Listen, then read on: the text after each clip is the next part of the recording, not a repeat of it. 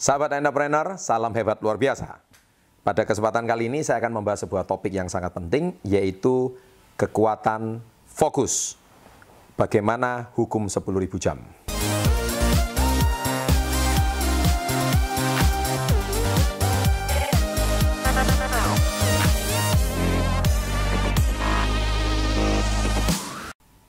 Baik, uh, saya hari ini ingin membahas sebuah topik yaitu kekuatan fokus.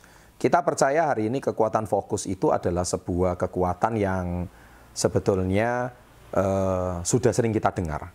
Di mana tidak mungkin Anda bisa sukses kalau Anda itu tidak fokus terhadap segala hal. Nah, saya hari ini ingin membahas kekuatan fokus itu dari sudut pandang yang berbeda. Saya ambil dari sebuah buku berjudul Outliers, di mana buku Outliers ini sendiri dikarang oleh Malcolm Gladwell, di mana beliau di sini membahas tentang hukum 10.000 jam. Nah, memang eh, hukum 10.000 jam itu tidak ada satu hukum yang pasti. Tetapi sebetulnya hari ini saya itu ingin membahas segala sesuatu kalau dilakukan secara berulang-ulang dan konsisten, saya percaya Anda pasti akan menghasilkan satu buah yang ada hasilnya. Ya, kita ambil satu contoh, yang paling sederhana waktu SD kita diajarkan tentang kaca pembesar dan sinar matahari. Ya, apa yang terjadi kalau kaca pembesar itu kita uh, berikan ke sinar mata, uh, berikan ke sebuah kertas dalam waktu cuma 5 detik tidak terjadi apa-apa. Tetapi apa yang terjadi kalau kaca pembesar tersebut kita letakkan di bawah kertas dan itu kita letakkan secara fokus selama kurang lebih setengah jam sampai satu jam kemudian yang terjadi adalah kertas itu akan terbakar. Nah, eh, sahabat entrepreneur, di sini sudah sangat jelas bahwa apa bedanya sih sebuah sinar itu bisa membakar kertas atau tidak? Itu kuncinya adalah kekuatan fokus. Nah, hukum 10.000 jam di sini itu dibahas oleh Malcolm Gladwell, yaitu tentang ketekunan menghasilkan buah.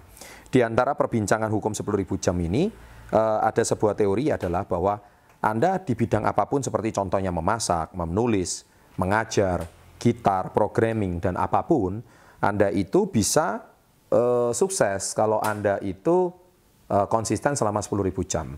Kita ambil satu contoh ya. Di sini ada sebuah contoh yang sangat luar biasa, yaitu apabila hari ini kita itu konsisten belajar satu jam per hari. Atau kita konsisten mengerjakan sesuatu yang kita lakukan setiap hari satu jam. Ya. Nah satu jam itu kalau Anda konsisten, maka hukum 10.000 jam itu kalau artinya Anda akan jadi sebuah pakar, seorang pakar. Saya lagi, seorang pakar. Kalau Anda pengen menjadi seorang pakar di bidang tersebut, Anda itu harus melakukannya selama 10.000 jam. Nah, apabila satu hari satu jam, kemudian satu tahun 365 hari, maka uh, asumsinya lima hari kemu, uh, per minggu, maka Anda cuma sekitar 240 sampai 250 hari per tahun, maka saya percaya Anda akan menjadi pakar dalam waktu uh, 50 uh, sorry 27 tahun kemudian. Berarti kalau Anda hari ini belajar gitar cuma satu jam per hari, Anda benar-benar menjadi pakar gitar. Kalau Anda hari ini usia 11 tahun, Anda akan menjadi pakar gitar itu konsisten satu jam per hari, tambah 27, Anda akan menjadi pakar pada waktu usia 38 tahun. Nah, jadi buku ini mengajarkan tentang seperti itu. Nah, saya sendiri uh, bergerak di bidang direct selling. Ya, saya memulai industri direct selling waktu saya usia 19 tahun. Dan saya melakukan presentasi atau berjualan itu per hari ya, per hari ya pada waktu saya usia 19 tahun itu rata-rata 5 sampai 8 jam uh, per hari rata-rata. Tetapi waktu awal-awal saya membangun uh, bisnis saya pertama kali tidak jarang sampai 16 jam per hari. Nah, oleh sebab itu saya bisa mencapai posisi puncak di perusahaan saya dalam waktu cuma satu tahun setengah. Ya, Kenapa saya bisa demikian cepat? Ya, padahal orang rata-rata mungkin capainya lima tahun atau bahkan ada yang 10 tahun. Karena saya 15 sampai 16 15 sampai 16 kali lebih banyak per hari dibandingkan orang rata-rata. Rata-rata orang-orang cuma satu jam per hari, saya bahkan 15 sampai 16 jam per hari. Jadi kalau Anda bisa menjadi pakar setelah 27 tahun, saya eh, 16 kali lipat lebih cepat dibandingkan orang rata-rata. Jadi tidak salah kalau 27 dibagi 16 itu cuma 1, sekian. Dan akhirnya saya benar-benar capai cuma dalam waktu satu tahun setengah. Nah, hukum ini termasuk cukup terbukti sukses. Nah, kita ambil satu contoh itu cerita saya pribadi. Bagaimana dengan kisah seorang legenda basket dunia bernama Michael Jordan. Ya, Michael Jordan itu sangat luar biasa. Bagaimana dia itu berlatih ya satu hari juga saya dengar sampai 20 jam per hari. Ya, di mana waktu pagi jam 4, jam 5 pagi dia sudah ke lapangan basket, ya dia sudah awalnya cuma pembersih lapangan, tapi dia juga berlatih basket.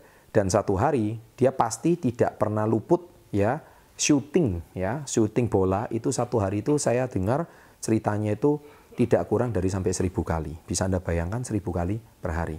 Dan dia berlatih jauh lebih keras, jauh lebih banyak, dan dia tetap fokus di satu bidang yang sama, yaitu bola basket. Pernah nggak Anda dengar ceritanya uh, Michael Jordan pindah ke bidang yang lain? Pernah. Pada waktu dia di usia 30-an tahun, dia sempat pensiun dari Chicago Bulls, dan akhirnya dia pindah profesi sebagai seorang uh, pemain baseball. Ya, Anda tahu apa yang terjadi? Meskipun dia seorang atlet yang sukses, dia merupakan seorang atlet olahragawan yang berbakat, tapi dia tetaplah dilahirkan sebagai seorang legenda bola basket. Dia memang sempat bermain sebagai seorang atlet baseball, tapi itu tidak lebih daripada hobinya saja sebagai seorang olahragawan. Tapi akhirnya dia comeback, dia kembali, dan dia sempat kembali ke Chicago Bulls dengan nomor punggung yang berbeda, dan akhirnya dia mengakhiri karirnya di Washington Wizards pada usia 40 tahun. Dan dia menjadi salah satu pengumpul poin terbesar di NBA, ya yang rekor-rekornya ini barusan saja dipecahkan oleh Kobe Bryant. Ya, jadi Michael Jordan hari ini menjadi nomor 4 legendaris pengumpul poin terbanyak di NBA. Anda tahu, sampai dia usia 40 tahun, dia tetap fokus di satu bidang yaitu bola basket. Dan hari ini Michael Jordan menjadi salah seorang konglomerat terbesar di Amerika Serikat.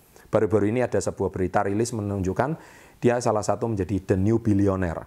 Ya, dia berhasil mencetak ya satu billion pertama di Amerika Serikat, yaitu sekitar kalau dengan kurs dolar sekarang 13.500, dia mencetak 13,5 triliun pertama ya di usianya sekarang yang baru berusia 52 tahun. Sejak dia pensiun dari lapangan bola basket 12 tahun yang lalu, dia hanya mengabdikan dirinya pada dunia bisnis. Dan dunia bisnisnya pun tidak jauh-jauh dari bola basket. Ya, bagaimana dia mencetak Nike dan Air Jordan itu menjadi fenomenal Nah, sekali lagi dia fokus pada bidang yang sama yaitu bola basket.